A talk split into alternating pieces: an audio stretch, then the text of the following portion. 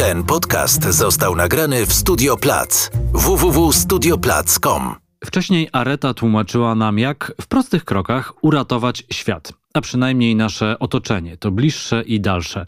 A teraz dostajemy w nowej książce instrukcje obsługi przyszłości, czyli zbiór rozmów o tym, jak to wszystko, co nas otacza, na nowo zorganizować. W zielonym podcaście dziś Areta Szpura i jej pies, Faflun. Obserwujcie stronę facebook.com kośnik zielony podcast i mój profil na Instagramie. Polecam, tam w relacji zawsze zapowiedź kolejnych rozmów i okazja do zadania pytań kolejnemu gościowi albo gościni. Wasze pytania padają także w tej rozmowie. To zaczynamy. Krzysiek Grzyman, zapraszam.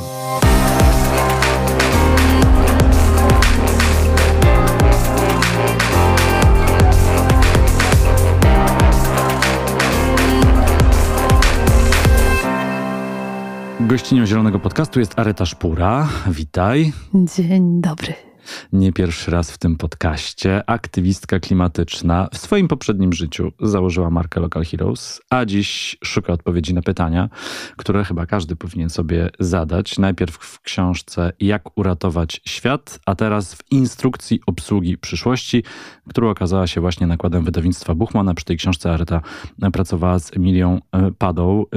E, czytałem instrukcję obsługi przyszłości i tak się zastanawiałem, Areta, co dalej? No, był już biznes, była aktywizm, a teraz polityka. Tak to troszkę wygląda, jak to mógł być program polityczny jakiejś partii na przyszłość. Uuu, ale to jest wspaniały pomysł. Ja myślę, że raczej nie, ale jakby ktoś chciał się zainspirować, to serdecznie zapraszam. Um, dogadamy się z wydawnictwem w sprawie copyrightu i z chęcią użyczę. Co może być wspaniała współpraca. Nie, no oczywiście trochę się zgrywam. E, chociaż w książce mówisz, że zaczęłaś też e, działać e, lokalnie u siebie w dzielnicy. Ale wydaje mi się, że wydźwięk tej książki, bo to jest zbiór rozmów na temat przyszłości w różnych obszarach naszego życia, w różnych obszarach świata. Wydźwięk dla mnie tej książki jest taki, że nam po prostu potrzebna jest edukacja. Więc wszyscy powinni takie książki czytać i po prostu myśleć i wdrażać te różne fajne rozwiązania w swoje życie. Amen. co, co mogę więcej dodać? No, no, no tak, w sensie ta książka powstała z, um, z odpowiedzi na pytanie, co ja jeszcze mogę dać światu.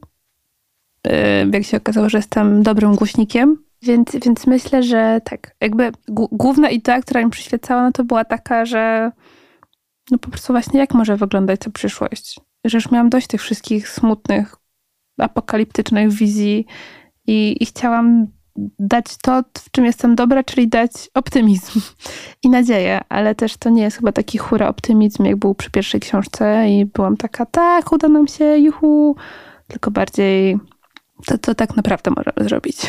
Tak, bo ta zmiana to naprawdę nadchodzi e, krok po kroczku i nie wydarzy się coś takiego nagłego, spektakularnego i świat przejdzie na zielone tory i e, szybko zaczniemy ciąć emisję, chociaż musimy to robić.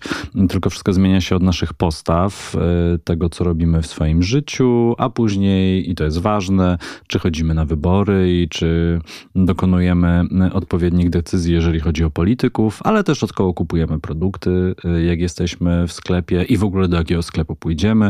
E, czy to będzie e, sklep prowadzony przez e, kooperatywę jakąś lokalną, czy pójdziemy do wielkiego hipermarketu i w co to będzie zapakowane, jakie wartości stoją za tą firmą. No, tych pytań jest mnóstwo. Tę książkę pisałaś w czasie lockdownu? Nie, ale pandemii na pewno tak. Tak, w sensie ja ją pisałam od razu, jak skończyłam pierwszą tylko najpierw pisałam ją w swojej głowie, w Excelach, w notatkach i w ogóle zastanawiałam się, co jeszcze mnie ciekawi, gdzie jeszcze szukać tych odpowiedzi na te trudne pytania. No ale właśnie potem przyszła pandemia, która totalnie mój poprzedni koncept zmiotła z powierzchni ziemi. No i trochę próbowałam się nowo odnaleźć w tej nowej rzeczywistości. I dlatego też ta forma wywiadów, bo ta książka zupełnie inna niż pierwsza która była zbiorem, zbiorem tekstów. Tutaj są e, wywiady i one, mam nadzieję, spowodują, że te tematy są lżej podane. Że bardziej czytamy sobie opowiastkę niż znowu tonę informacji, która jest wysypana nam na głowę i musimy sobie z tym jakoś poradzić. Chociaż tych informacji też w tych rozmowach jest bardzo dużo. O środowisku rozmawiasz z Mirosławem Prope, szefem WWF-u, o technologii z Joanną Murzyn. Żałuję, że się jeszcze nigdy nie spotkaliśmy w podcaście z Instytutu Cyfrowej Ekologii. Uh-huh. Dobrze zapamiętałem. O mieście, no z Janem Mencfelem, wiadomo, miasto jest nasze. O żywności z Klaudią Kryńską, która zresztą była tutaj w podcaście. O edukacji, to rozmowa, która już ci mówiłem wcześniej, najbardziej dla mnie, no nie, że kontrowersyjna, ale musiałbym ten temat przepracować. E, całe szczęście nie planuję mieć dzieci, więc e, nie będzie to mój problem, ale rozmawiasz z Marianną Kłosińską e, z Bul Bullerbyn. Bullerbyn, dobrze. O kooperatywach z Niną Bąk, z Kooptechu, chociaż nie wiem, czy Nina tam jeszcze pracuje. Chyba już nie. Psychologia Joanna Brzezińska, świetna osoba, szczególnie jeżeli ktoś jest y, wypalony aktywistycznie, to może też zajrzeć do książki Arety, tam jest adres mailowy do Joanny, e, można znaleźć, to się na pewno wielu osobom przyda. No i o biznesie e, z Bolesławem Rokiem. I e, tak jak sobie myślałem o tych osobach, z którymi rozmawiasz, to jest ciekawy ten klucz, że jednak to są w większości NGOsy, ci goście, z którymi rozmawiasz o przyszłości. Czyli jednak to społeczeństwo obywatelskie, te inicjatywy oddolne, to tu jest ten największy kreatywny, no nie wiem, zaczyn chyba jednostka, kreatywna jednostka społeczeństwa.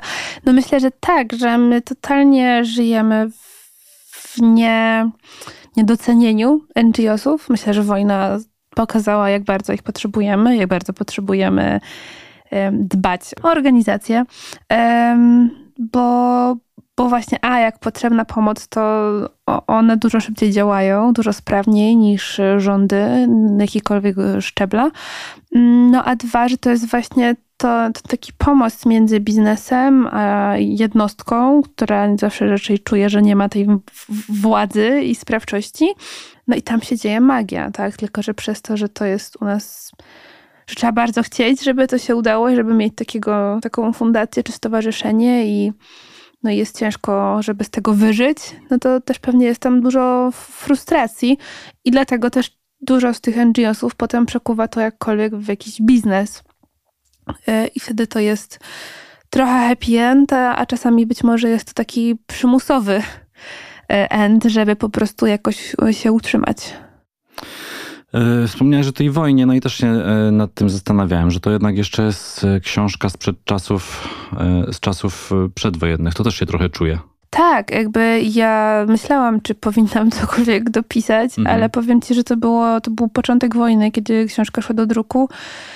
Ja po prostu stwierdziłam, że to jest za wcześnie, za, za mało wiem, za mało jeszcze przemyślałam ten temat i wolę po prostu, żeby było widać że, że to jest to, a być może to będzie zaleta, tak, że to jeszcze to będzie, jak są książki, które są pamiętnikiem pandemii, to może być to książka, która jest pamiętnikiem czasów przed wojną. Pytałem słuchaczy, e, o co chcieliby zapytać Arytę Szpurę. E, Franek Starczewski e, pyta, do kogo kierowana jest ta książka? Przede wszystkim do ludzi, którzy przeczytali pierwszą. No a pierwsza była taka bardzo, co ja mogę zrobić. I, I też bardzo, bardzo mi zależało, żebym ja sama poszerzyła swoje horyzonty, więc to było trochę no, tak samolubne.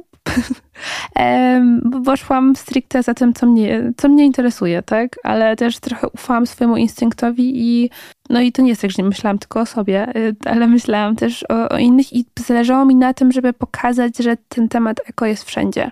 Tak, że dlatego jest ta edukacja, o której chciałam już napisać od od, czasów pierwszej książki, ale wtedy jakoś nie wiedziałam, jak to ugryźć. Um, I te, te, te, tematy są trochę od sasa do lasa. Myślę, że dla osób, które są ciekawe świata i dla osób, które czują, że chciałyby coś dalej porobić, ale nie wiedzą, gdzie, gdzie znaleźć ten swój punkt przełożenia, w jakiej dziedzinie może chciałyby pomóc. Więc mam nadzieję, że jak przeczytają te rozmowy, to, to, to poczują, że gdzieś coś ich woła. No a, a tak jak w przypadku poprzedniej książki, to po każdej rozmowie jest taki zbiór odsyłaczy, typu co przeczytać, co obejrzeć, do kogo się zgłosić. Też na samym końcu książki jest taki fajny dział, na przykład gdzie się dalej uczyć. Um, więc li, liczę, że po prostu ta książka będzie trochę inspiracją, trochę opowieścią, ale trochę też narzędziem dla tych, co chcą dać kawałek siebie światu. Y, jak gdybym mógł coś zmienić w tej książce, to jedynie kolejność dwóch ostatnich rozdziałów, bo mhm. tę rozmowę z Janną Brzezińską, y, psycholożką, dałbym na sam koniec, bo jeżeli ktoś czyta tę książkę i się tak nakręca, tu bym zrobił to, tu jeszcze bym zrobił to, a to zmienię w swoim życiu tak, a to tak. I nagle dochodzi do, tego, do tej rozmowy z Janną i człowiek jest pani taki bardzo uspokojony. Nie musisz robić wszystkiego, nie musisz mhm. się angażować w każdą rzecz, nie musisz być na każdym proteście, nie musisz przejeżdżać setek kilometrów w każdej sprawie. Skup się na tym, co robisz, a w innych sprawach pomóż tak jak możesz. Wpłać jakąś składkę. Jeżeli jest protest gdzieś daleko, nie musisz na niego jechać, możesz go nagłośnić w internecie.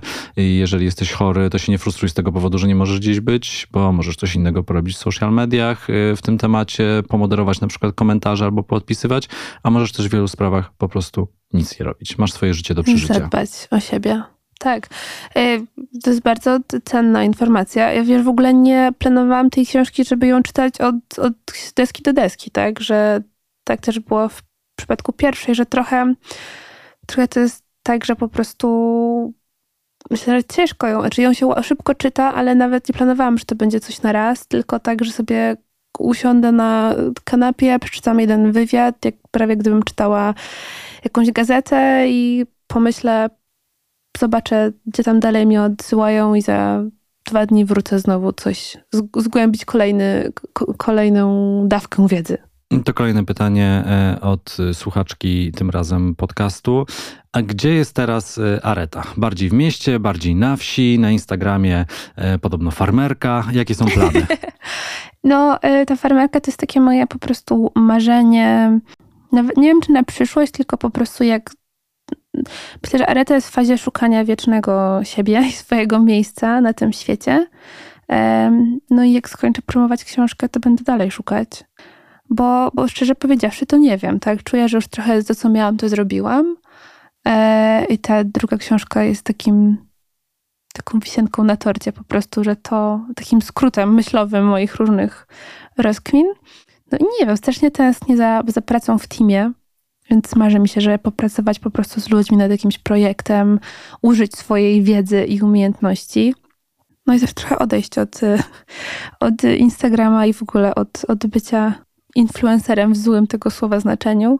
I co? No i dlatego ta farma, bo jak sobie myślałam, co ma sens, no to taka praca u podstaw, ale praca z ziemią jest dla mnie czymś, co jest dla mnie kompletnie obce.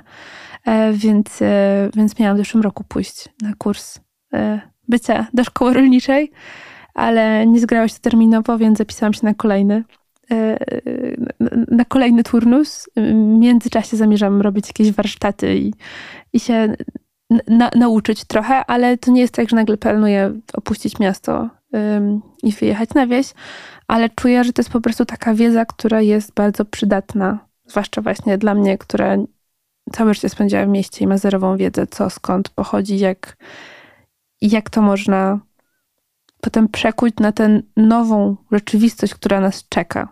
No i którą sobie musimy stworzyć tak naprawdę, bo nikt inny e, za nas tego nie zrobi. E, swoją drogą te pytania od słuchaczy bardzo dobrze nawiązują tutaj do rozdziału w książce, więc jeżeli ktoś otworzy rozdział o żywności, to nie są takie suche rozmowy, bo Areta też się dzieli wieloma przemyśleniami ze swojego życia i tam co się dzieje i tutaj jakie książki o permakulturze zostały zakupione. I albo, ile, takie, albo ile. Ile z nich zostało rzeczywiście przeczytanych. E, tak, więc jeżeli kogoś to interesuje, to tym bardziej powinien zajrzeć. Kolejne pytanie od Piotra. Co nas uratuje? Technologia czy ludzie? Miks. Nie ma jednej dobrej odpowiedzi, ale jak miałabym wybrać, no to ludzie. No bo sama technologia się nie zrobi. No plus, znaczy na pewno technologia nam pomoże, ale nie byłabym taka, że zawierza swoje życie technologii.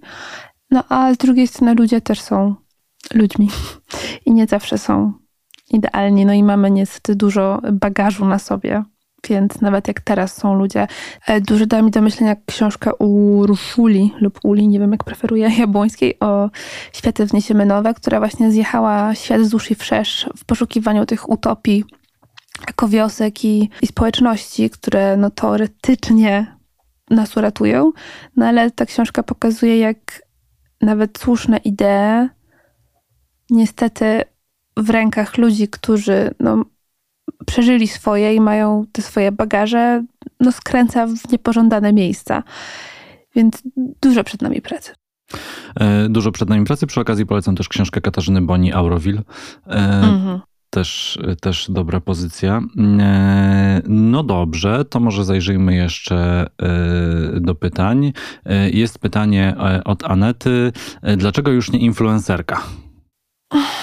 Bo już mi się to znudziło. No, ale myślę, że dużo ludzi cię cały czas obserwuje i myślę, że to nie jest znaczy, tylko Aneta, która może ma taki głód, że brakuje tych pościków, tych Insta Stories. Nie? To już nie? Może ktoś cię szukał na TikToku na przykład? Oj nie, tam mnie nie znajdziecie. W sensie mam konto, bo moja siostra się uparła, że musi mi wysłać śmieszne filmiki. E, weszłam tam trzy razy w życiu. Z jednej strony jestem po prostu totalnie szczerze trochę zmęczona i jakby jestem tam już 10 lat i to naprawdę dużo czasu. I to naprawdę pochłania, żeby to robić dobrze, to to pochłania bardzo dużo czasu i energii. E, I trochę czuję, że już spędziłam pół życia przed ekranem E, i chciałabym zminimalizować ten czas. I to nie jest tak, e, że nagle planuję w ogóle skasować Instagrama i, i po prostu uciec do lasu, tylko dlatego też myślę o jakiejś nowej pracy, no bo chciałabym po prostu, żeby, że tak powiem, dostawać pieniądze za swoją wiedzę, a nie za swoją twarz.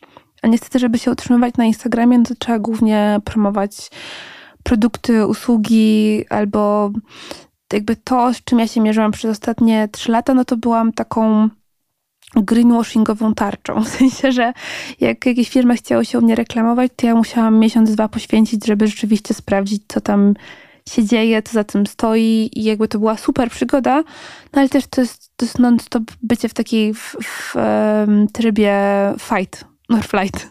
Więc trochę chcę dlatego znaleźć sobie jakąś alternatywę zarobkową, żeby móc robić tam rzeczy po prostu, które mnie ciekawią raz na jakiś czas, a nie, nie być tak zmuszona, że muszę codziennie robić coś i nie wiem, robić jakieś rille i gadać do telefonu i, i, i cały czas jakby nie móc się odłączyć od tego.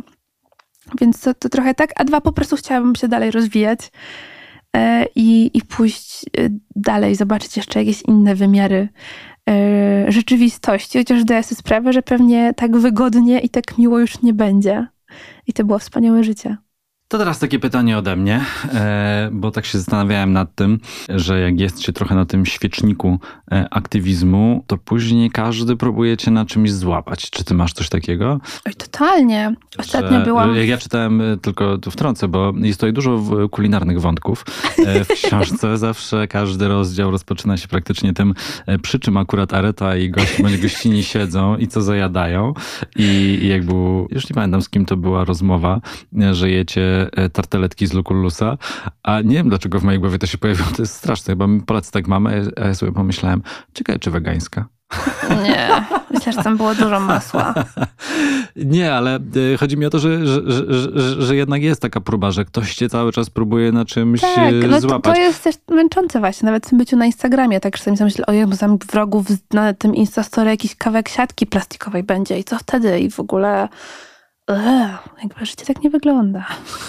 No nie wygląda. I jakby zdarza mi się używać plastiku. I właśnie miałam ostatnio kilka takich sytuacji, że mm, nie wiem, byłam z mamą w centrum handlowym i weszłyśmy razem. Najpierw wzięłam ją na kawę, więc szłyśmy z tym jednorazowym kubkiem, a potem moja mama chciała coś zobaczyć w Pepko i siedziałam z nią. I tak myślałam, Boże, żeby ktoś mnie zobaczył w tym momencie. Ekologiczna aktywistka z jednorazowym kubkiem w oazie zła robi zakupy. Znaczy nie to, że tam coś kupiłam, no ale byłam tam i obserwowałam te rzeczy i sobie mówiłam, Boże, jakie to wszystko jest ładne. I jakby wiem, że będzie wyglądało jak szmata po dwóch praniach, ale nadal jakbym nie miała tej całej świadomości, którą mam, to ciężko byłoby mi tam nic nie kupić. Jakby totalnie rozumiem ludzi, tak? Którzy tam stoją i wykupują pół sklepu. E, to było super przeżycie, tak? Czy potem gdzieś dalej z nią poszłam tą, tą wędrówką. No i no i tak, to było ciekawe doświadczenie. Więc, e, więc to, to, jest, to jest jedno, a dwa, no rzeczywiście mam czasami tak, że coś wrzucę nie myśląc i potem dostaję jakieś pytania i mam tak, kurde, ludzie, serio nie macie ciekawe życie roboty, tylko przyglądać się, czy mam tam wegańskie masło, czy zwykłe masło. I ja jakby myślę, że najbardziej przerażające jest to, że czasami na przykład, nawet nie czasami, myślę, że często nie robię czegoś albo nie wrzucam czegoś, bo już nawet nie chce mi się dealować z wszystkimi pytaniami, zarzuceniami i jakimś szukaniem dziury w całym. Więc, więc tak, to jakby nie chcę, że to było źle odebrane, ale ale myślę, że jak ktoś tak się dopytuje, to żeby zapytał się, jak on by się czuł, jak komuś, ktoś mu by tak robił. Tak, to, to, to jest trudne, ja też to widzę, no, no bo wiemy, że te zmiany zachodzą i wszyscy musimy się do tego dostosowywać i to wszystko jest procesem, ale też widzę, że to szczególnie moi najbliżsi znajomi lubią mnie na czymś przyłapać, a na wakacje tam daleko, to jak poleciałeś? Na rowerze pojechałeś? No, prawda? że możesz I... robić dużo dobrych rzeczy i dużo rzeczy dla tak, dobrej nagle zmiany. to jest dyskredytowane przez tak, jedną tak. rzecz, że polecisz na wakacje. Totalnie. Ja, ja ale też wiesz co, stwierdziłam, że ja po prostu będę coraz y, więcej o tym mówić po prostu i nawet jeszcze tego nie zrobiłam, ale zrobiłam zdjęcie jednej rzeczy, którą kupiłam w sieciówce jakiś czas temu, bo mi się strasznie spodobała i stwierdziłam, że w ogóle okej, okay, tyle lat nie kupowałam jakby chcę sobie to kupić. W ogóle Areta idzie do sklepu i kupuje.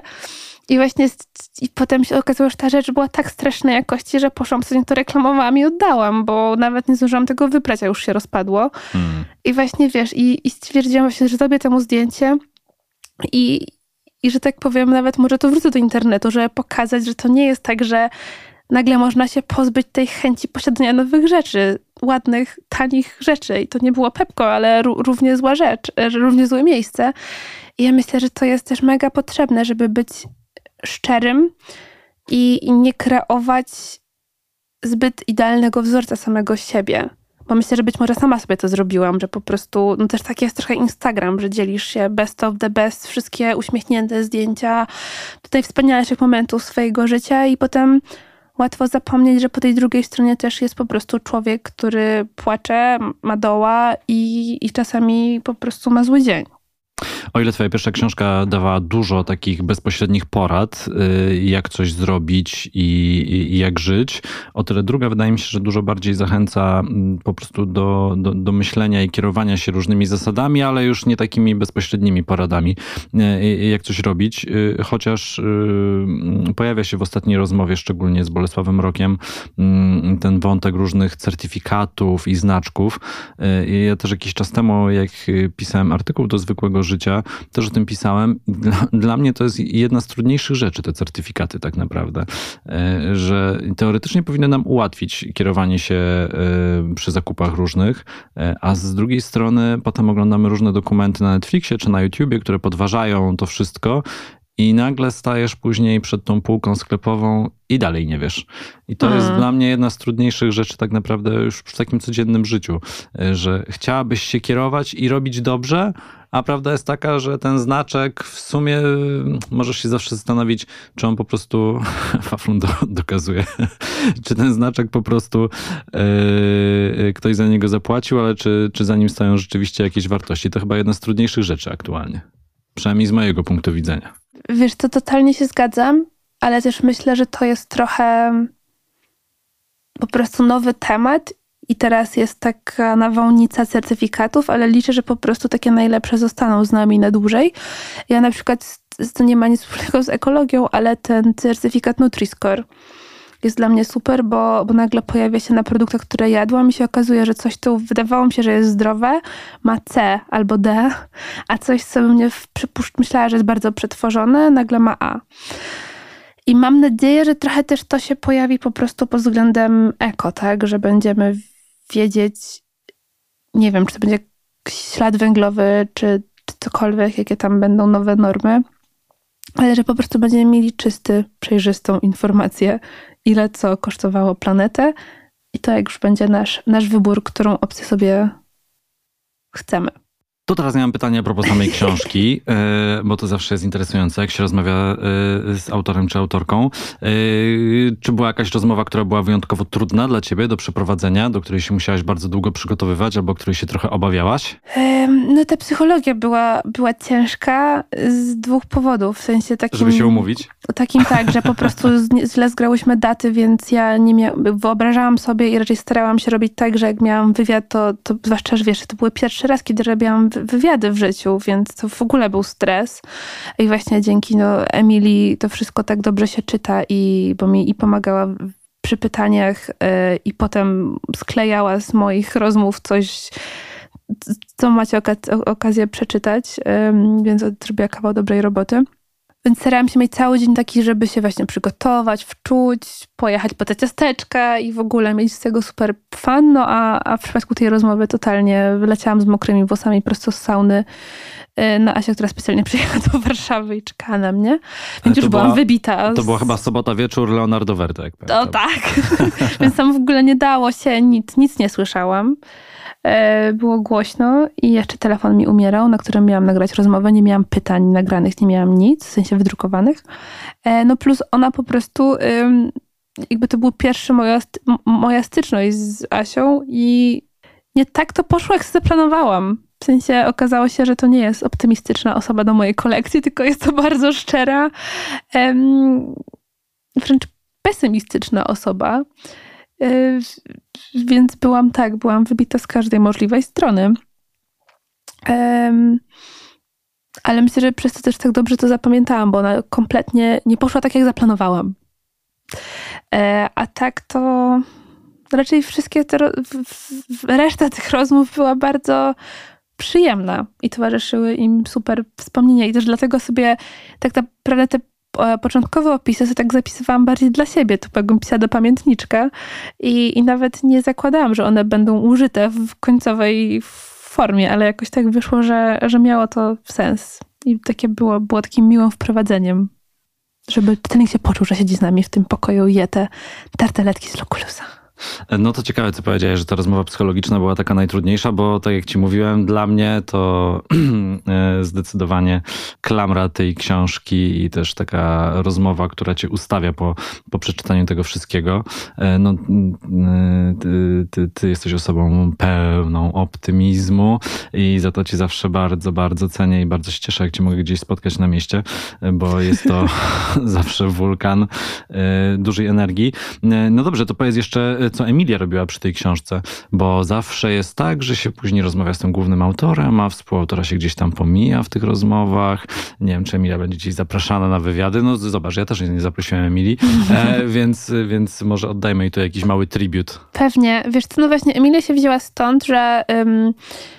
jakby ja tam jestem na okładce y, i jakby to był mój pomysł, żeby taki był format i, i taka była książka, no ale ja od, od, razu powiedziałam wydawnictwu, że słuchajcie, jakby ja ani nie umiem pisać, znaczy umiem, ale nie, czuję się w tym super dobra, no a tym bardziej, że to ma być forma wywiadów i a jednak zależało mi na tym, żeby to nie było, że to się z eko to jest niepraktyczne i niedobrze się czyta, tylko żeby jedno miało, żeby spełniało to wszystkie funkcje, więc y, wydawnictwo właśnie wynalazło dla mnie e, Emilię, która jest właśnie mistrzynią wywiadów e, i sama robi to zawodowo.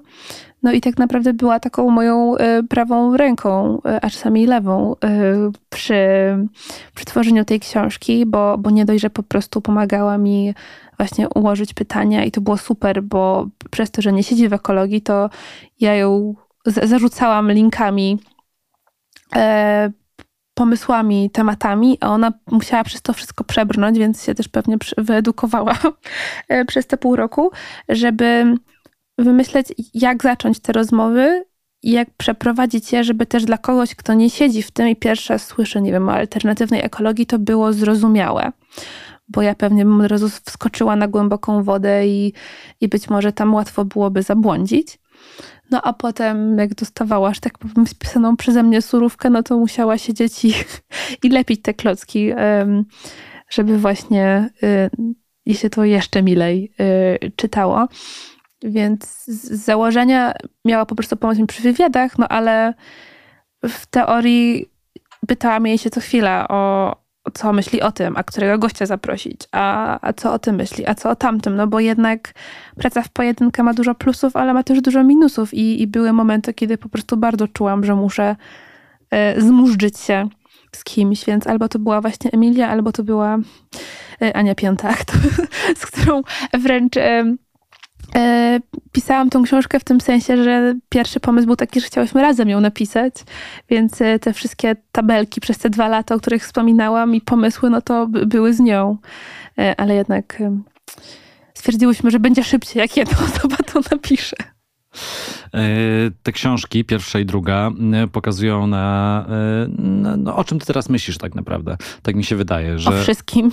Tak, tak, ale też na jakim etapie jesteś. O, może tak powiem. Tak, o, to będzie taki pamiętnik z roku 2021.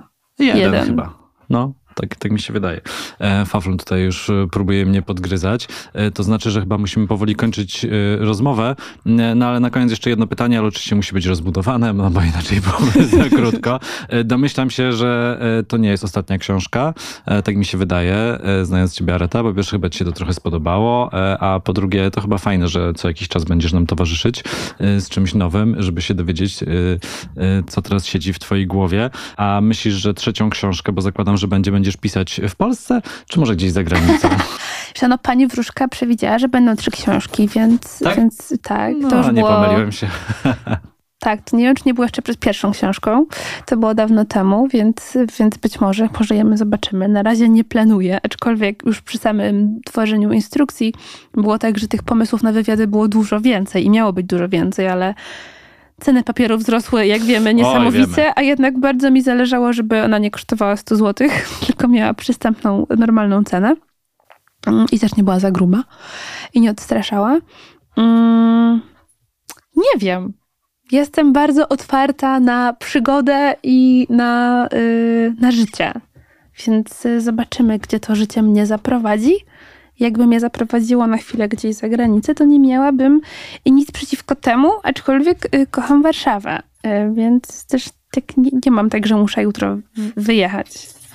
Więc y, zobaczymy, co wszechświat ma dla mnie do zaoferowania. Faflon już zdecydował, że musimy zakończyć tę rozmowę, bo już tutaj dokazuje mocno podstawem. Szkoda, że się nie odezwał w trakcie całej rozmowy, no ale jest mm, pod tym względem bardzo wychowanym pieskiem. I... Ale to jest niesamowite. On zawsze prostu leży i śpi. Zresztą czuję tu jakąś energię pieskową pewnie. Coś się, tutaj, coś się tutaj dzieje. Bardzo Ci dziękuję za rozmowę. Książkę do znalezienia wszędzie tam, gdzie się kupuje książki, czyli w Empikach i w innych sklepach i na pewno jest dostępna też jako e-book. A tak jest, jest, też dostępny audiobook? Tak, znaczy będzie. Będzie? Nie wiem kiedy, ale y, tak. Okay. Odpowiedź. No to, to, to, to, to wszystko do znalezienia e, w internecie i przede wszystkim w małych księgarniach, Oczywiście. do których warto chodzić, żeby one przetrwały, o tym warto pamiętać.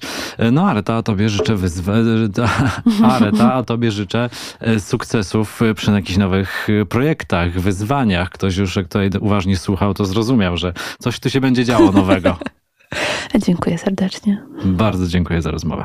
To był Zielony Podcast, kolejny odcinek w niedzielę. W wolnym czasie zajrzyjcie na facebook.com kośnik Zielony Podcast i mój profil na Instagramie. Tam w relacji zawsze zapowiedź kolejnych rozmów i okazja do zadania pytań kolejnemu gościowi albo gościni. Krzysiek Grzyman, do usłyszenia. Też chcesz nagrywać podcasty? www.studioplac.com